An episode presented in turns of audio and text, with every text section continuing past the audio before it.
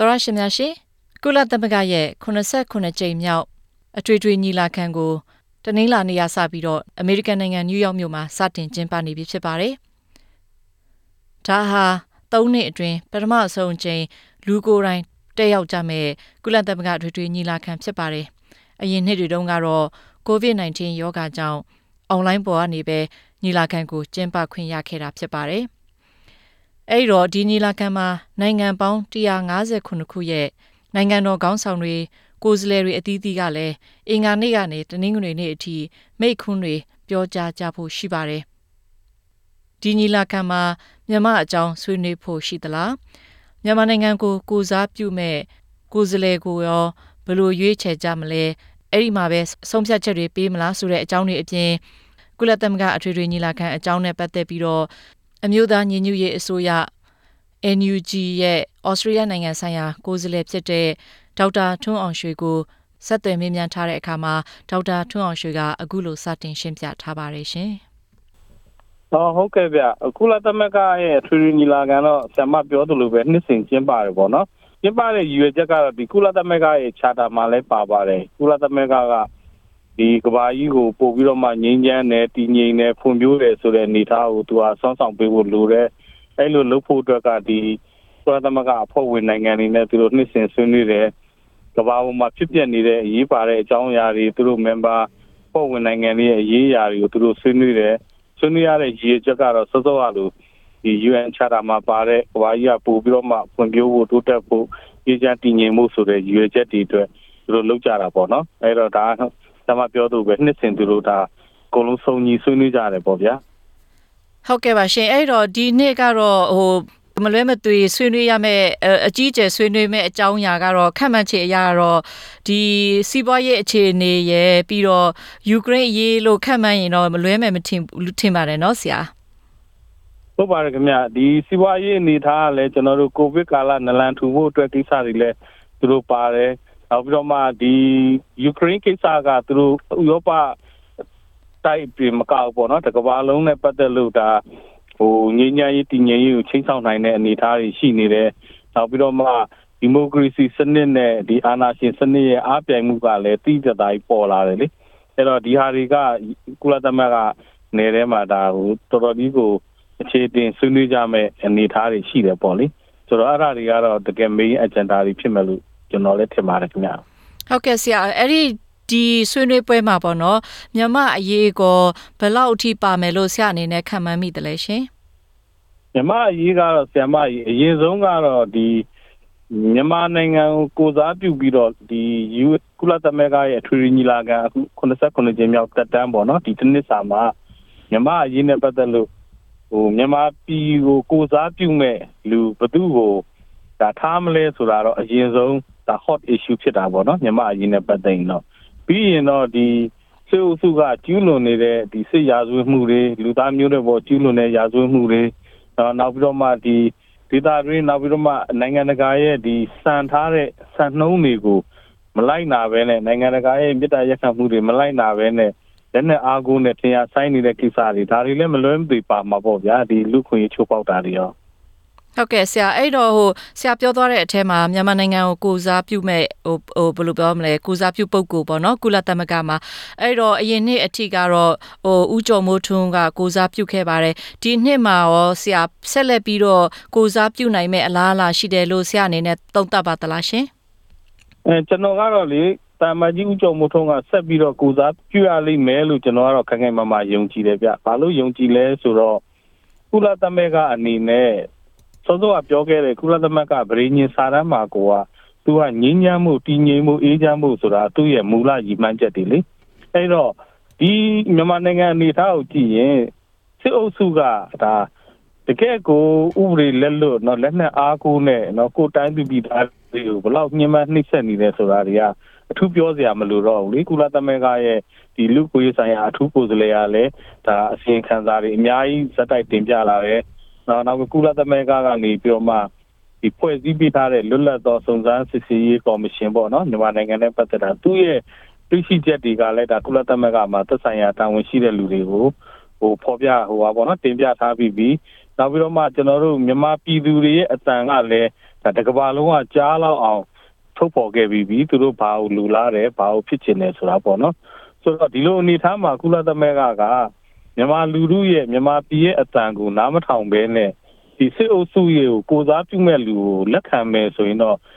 ဒီအဖွဲ့အစည်းကဒီသူပြောတာတခုလုပ်တာတခုပေါ့နော်သူသူတမိုင်းရိုင်းသွားမှာပေါ့ဗျာအဲ့တော့သူလည်းပဲလုပ်မလဲပေါ့နော်ကျွန်တော်တော့အဲ့ဒီတော့ကြောင့်မလို့တာမကြီးဥကြုံမိုးထွန်းဒီမြန်မာလူထုကိုကိုစားပြုဖို့မြန်မာလူထုရဲ့အတန်ကိုဒီကုလသမဂ္ဂဒီအထဲမှာဖတ်ပြီးတော့မှဒီတင်ပြဖို့အတွက်ကိုကုလသမဂ္ဂကသူ့ကိုပဲ ဆက်ပြီးတော့လက်ခံမယ်လို့ကျွန်တော်တော့ခိုင်းမှမှယုံကြည်ပါတယ်ဟုတ်ကဲ့ဆရာအဲ့ဒီအတွက်လည်းဘယ်လိုပြောမလဲတချို့လူတွေဘယ်လိုပဲနိုင်ငံတကာရောက်မြန်မာတွေက campaign လုပ်တာမျိုးတွေရှိတာပေါ့နော်ဦးကျော်မိုးထွန်းကိုဆက်လက်ပြီးတော့ကိုစားပြုတဲ့နေရာမှာထားပေးဖို့ဆိုပြီးတော့လေဒါပေမဲ့တစ်ဖက်မှာလည်းဆရာဟိုစစ်ကောင်စီဘက်ကနေဒီလိုမျိုးမဖြစ်အောင်ဟိုစ조사မှုတွေလည်းရှိကောင်းရှိနိုင်မယ်လို့ယူဆရပါတယ်ဆရာအဲ့ဒီတော့သူတို့ကလည်းဒီ ရုရှားတရုတ်ပြီးတော့အပေါင်းပါတွေအဲ့ဒီတချို့နိုင်ငံတွေရဲ့အကူအညီကိုယူပြီးတော့အဲ့လိုမျိုးဒီလိုမျိုးမဖြစ်လာအောင်ပေါ့လေလုံးမယ်ဆိုရင်ក៏အောင်မြင်မဲ့အလားအလာရှိလားရှင်ဆရာလောလောဆယ်မှာအထွေထွေအဖြစ်ကြည့်လိုက်မယ်ဆိုရင်ရုရှားနဲ့တရုတ်ကဟိုစစ်ကောင်စီဖက်မှာပါနေတယ်လို့မျိုးဖြစ်နေတယ်ဆိုတော့လေဟုတ်ပါတယ်ဗျတေချာပေါက်ကတော့လေဒီစစ်ကောင်စီကတော့အရှက်မရှိပေါ့နော်သူ့လူကိုကုလသမဂ္ဂမှာ ဒီနေရာရဖို့အတွက်ကိုအရှက်မရှိစူးစမ်းမှာတော့ဒါကျွန်တော်တို့ဟိုတန်တရားဖြစ်เสียမလိုပါဘူးသူတို့တေချာပေါက်လုံးမှာပါအဲ့လိုလုပ်ဖို့တော့လေသူတို့အားကိုးနေကြအဲ့ဒီနိုင်ငံကြီးနှစ်နိုင်ငံကိုသူတို့တေချာပေါက်အားကိုးမှာပဲအဲ့ဒီအားနဲ့သူစူးစမ်းမယ်ပေါ့နော်သို့တော့ကျွန်တော်တို့ကဒီရုရှားရဲ့နေရာကနေစဉ်းစားမယ်တရုတ်ရဲ့နေရာကနေစဉ်းစားမယ်ဆိုရင်ဒီစစ်အုပ်စုအတွက်ကိုသူတို့က ကုလသမဂ္ဂထဲမှာထပ်ပြီးတော့နာမည်အပြတ်ခံမလားဆိုတဲ့ဟာကသူတို့စဉ်းစားရမယ်ဟာပေါ့လေ။ဘာကြောင့်လဲဆိုတော့မနစ်တော့ဆိုရင်ဒါကျွန်တော်တို့လည်းဟိုအတိုင်းအတာတစ်ခုထိကြားကြတယ်။အမေရိကန်အစိုးရနဲ့ကျန်တဲ့ပါစူပါပါဝါကြီးတွေကြားမှာနားလည်မှုရတယ်။ဆရာဦးကျော်မိုးထွန်းကိုဒီကုလသမဂ္ဂဆက်ထားမယ်ဆိုတော့ဒီဘာပေါ့လေသဘောတူညီချက်လေးကိုရေးမထားတဲ့သဘောတူညီချက်လေးသူတို့ရကြတယ်။ဆိုတော့ ဒီနှစ်လေသူတို့ကဟိုညှိနှိုင်းမှုမရှိရင်တောင်မှသူတို့ရုရှားကတရုတ်ကောကတော့ဒီရှူတော့ကပဲဟိုပါပေါ့နော်ထိုင်ပြီးတော့စဉ်းစားမယ်လို့ထင်တယ်။ဘာကြောင့်လဲဆိုတော့အကယ်၍သူတို့ကသူတို့အင်အားတွေနဲ့သူတို့စီယုံထားတဲ့တပည့်နိုင်ငံတွေနဲ့နော်ဒီစစ်ကောင်စီဟာကိုစစ်ကောင်စီလူကိုဒီနေရာရဖို့ကြိုးစားမယ်ဆိုရင်သူကဘယ်အခြေအနေကိုရောက်သွားမလဲဆိုတော့လုံးဒီကုလသမဂ္ဂအထွေထွေညီလာခံမှာ မဲခွဲဆုံးဖြတ်ရမယ့်အဆင့်ကိုရောက်သွားမယ်ဗျမဲခွဲဆုံးဖြတ်ရမယ့်အဆင့်ကိုရောက်ပြီဆိုရင်အခုလက်ရှိတောင်မှနော်တရုတ်အစိုးရကောရုရှားအစိုးရကောကသူတို့ရဲ့ဒီအာဏာရှင်ဆန်မှုတွေအတွက်ကမ္ဘာအလယ်မှာနာမည်ပြက်နေကြတဲ့အချိန်လေအဲ့တော့သူတို့ထပ်ပြီးဒီမင်းအွန်လိုင်းတွေသူတို့နာမည်အပြက်ထပ်ခံမလားဆိုတာတော့သူတို့စဉ်းစားရမှာပေါ့နော်ကျွန်တော်သာသမရာကြီးရှိချင်းပင်နေရာသမရပူတင်နေရာစဉ်းစားမယ်ဆိုရင်တော့ကျွန်တော်တော့ဒီဟာနဲ့တော့နာမည်ပြက်ခံမှာမဟုတ်ဘူးဗျ ဒီဟာလေးကိုမသိကြအောင်ဆောင်ပြီးလှုပ်ပေးမှာပဲဒါဒါကျွန်တော်ရဲ့အမြင်ပေါ့နော်ဟုတ်ကဲ့ဆရာဒါကတော့ဒီအာကုလသမဂ္ဂညီလာခံနဲ့ဆက်ဆက်တဲ့အကြောင်းအရာပေါ့လေဆရာနောက်တစ်ခုကအရင်တလောတုန်းကဟိုဆရာတို့အနေနဲ့ပေါ့လေဒီစစ်ကောင်စီရဲ့လူခွင့်ရေးချိုးဖောက်မှုတွေနဲ့ပတ်သက်ပြီးတော့ဟိုဘယ်လိုပြောမလဲဩစတြေးလျနိုင်ငံတာမကပေါ့နော်တခြားနိုင်ငံတွေလည်းအသီးသီးတရားစွဲဆိုမှုလုပ်နိုင်အောင် international jurisdiction ပေါ့နော်အဲ့ဒီအရာပေါ့လေတရားအရေးယူနိုင်အောင် စ조사လှုပ်ဆောင်သွားမယ်ဆိုတာသိရပါတယ်ဆရာအဲ့တော့အဲ့ဒီအဲ့ဒီအခြေအနေကဘယ်လိုရှိပြီလဲရှင်အဲ့အခြေအနေကတော့ကျွန်တော်တို့ဟိုပေါ့နော်တိုးတက်မှုတွေရှိပါတယ်ပထမဆုံးတိုးတက်မှုကတော့ကျွန်တော်တို့မူလရွေးချယ်ထားတဲ့အမှု၃ခုအပြင်နော်စစ်ကောင်စီရဲ့ဒီလူသားမျိုးနွယ်ပေါ်မှာကျူးလွန်နေတဲ့ရာဇဝတ်မှုဆိုတဲ့ဒီ pattern ပေါ့နော်ဒီဒီအထောက်အထားကိုကျွန်တော်တို့ကပြည့်ပြည့်စုံစုံပြနိုင်မှုအတွက်အမှုပေါင်း430ကျော်ကိုကျွန်တော်တို့ case summary တွေလုပ်ပါတယ် အဲ့ဒါတွေကပြီးသွားပါပြီပြီးသွားလို့ကျွန်တော်တို့အဲ့ဒီဆရာမှာအဆိုးအဆုံး case ဒီ25ခုကိုကျွန်တော်တို့ဒီရှင်းနေအဖွဲ့ထံကိုကျွန်တော်တို့ပို့လိုက်ပါပြီအဲ့တော့ဒုတိယအဆင့်ကျွန်တော်တို့ခုပြင်နေတာတော့ဒီရှင်းနေအဖွဲ့ကဒီမှုခင်းနေမှာဟိုပါခဲ့တာတော့မဟုတ်ဘူးပေါ့နော်တက်သေးအနေနဲ့ပြောနိုင်တဲ့လူတွေနော်ဒီထိခိုက်ခံစားခဲ့ရတဲ့လူတွေရဲ့မိသားစုဝင်တွေသူတို့တွေနဲ့ interview လေးတွေဒီ story ကိုပို့ပြီးတော့မှ legal case တစ်ခုအနေနဲ့ ပုံဖော်ဖို့အတွက်ကိုတူတူပြင်ဆင်နေပါပြီဗျအဲ့အတွက်ကျွန်တော်တို့ဒီဘက်မှာဒီလို interview တွေလုပ်နိုင်အောင်တွေ့နိုင်အောင်ပြင်ဆင်နေတာတွေရှိပါတယ်နောက်ပြီးတော့ကျွန်တော်တို့အခုဒီလိုလုပ်ထားတဲ့ case တွေကိုလည်းကျွန်တော်တို့တခြားဥရောပနိုင်ငံကဒီလိုမျိုးတရားစွဲမဲ့အစီအစဉ်တွေအတွက်ကိုလည်းကျွန်တော်တို့မျှဝေဖို့အကုန်လုံးပြင်ဆင်ထားပြီးပါပြီအဲ့တော့တခြားသောနိုင်ငံတွေကလည်းသူတို့ကျွန်တော်တို့ဩစတြေးလျမှာလို့ပေါ့နော်ဒီဥပဒေအဖွဲ့သူတို့ကိုကူညီပေးမဲ့ဥပဒေအဖွဲ့မြစ်တာနဲ့ကူညီပေးမဲ့အဖွဲ့တွေ ရပြီဆိုရင်သူတို့ဘက်ကလည်းစနိုင်ပါပြီဗျနောက်ပြီးတော့ပို့ပြီးအားရှိရတာကဒီကျွန်တော်တို့ဒီအင်ဒိုနီးရှားမှာလည်းဒီ Universal Jurisdiction နဲ့စစ်ကောင်စီကိုတရားစွဲဖို့အတွက်လည်းဒါဗဟိုတရားရုံးချုပ်ကိုဒီအင်ဒိုနီးရှားရှေ့နေအဖွဲ့ကတင်လိုက်ပြီလို့လည်းကျွန်တော်တို့လွန်ခဲ့တဲ့3နှစ်ပတ်ကျော်3ပတ်ကသိရပါတယ်အဲ့တော့ဒါကလည်းဟိုအာဆီယံနိုင်ငံထဲမှာအာဆီယံဖွဲ့ဝင်နိုင်ငံထဲမှာစစ်ကောင်စီကို Universal Jurisdiction နဲ့တရားစွဲဖို့ ဒါစလုပ်တဲ့အနေအထားဆိုတော့ဒါအာဆီယံရဲ့အနေအထားအရဆိုရင်ဒါတော်တော်ကိုပြင်းထန်တဲ့ဒါအနေအထားမျိုးကိုကျွန်တော်တို့မြင်ရပါတယ်ဗျအဲ့ဒီအတွက်ကြောင့်မလို့ဒီလိုမျိုးစစ်ကောင်စီရဲ့ဒီရာဇဝတ်မှုတွေလုပ်နေတာကို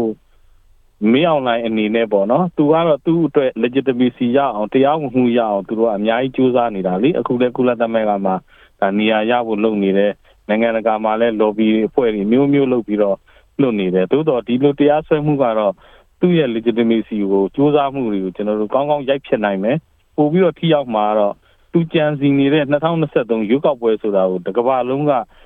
လက်မခံတဲ့အနေအထားအတွက်ကျွန်တော်တို့အများကြီးအထောက်အကူဖြစ်မယ်လို့ယုံကြည်ပါတယ်ဗျဟုတ်ကဲ့ပါရှင်ဒေါက်တာထွန်းအောင်ရွှေအခုလိုမျိုးစိတ်ရှိလက်ရှိဖြေချပေးတဲ့အတွက်အများကြီးကျေးဇူးတင်ပါတယ်ရှင်။အော်ကျွန်တော်လည်းအခုလိုပြေခွင့်ရလို့ကျေးဇူးများတင်ပါတယ်ဆရာမကြီး။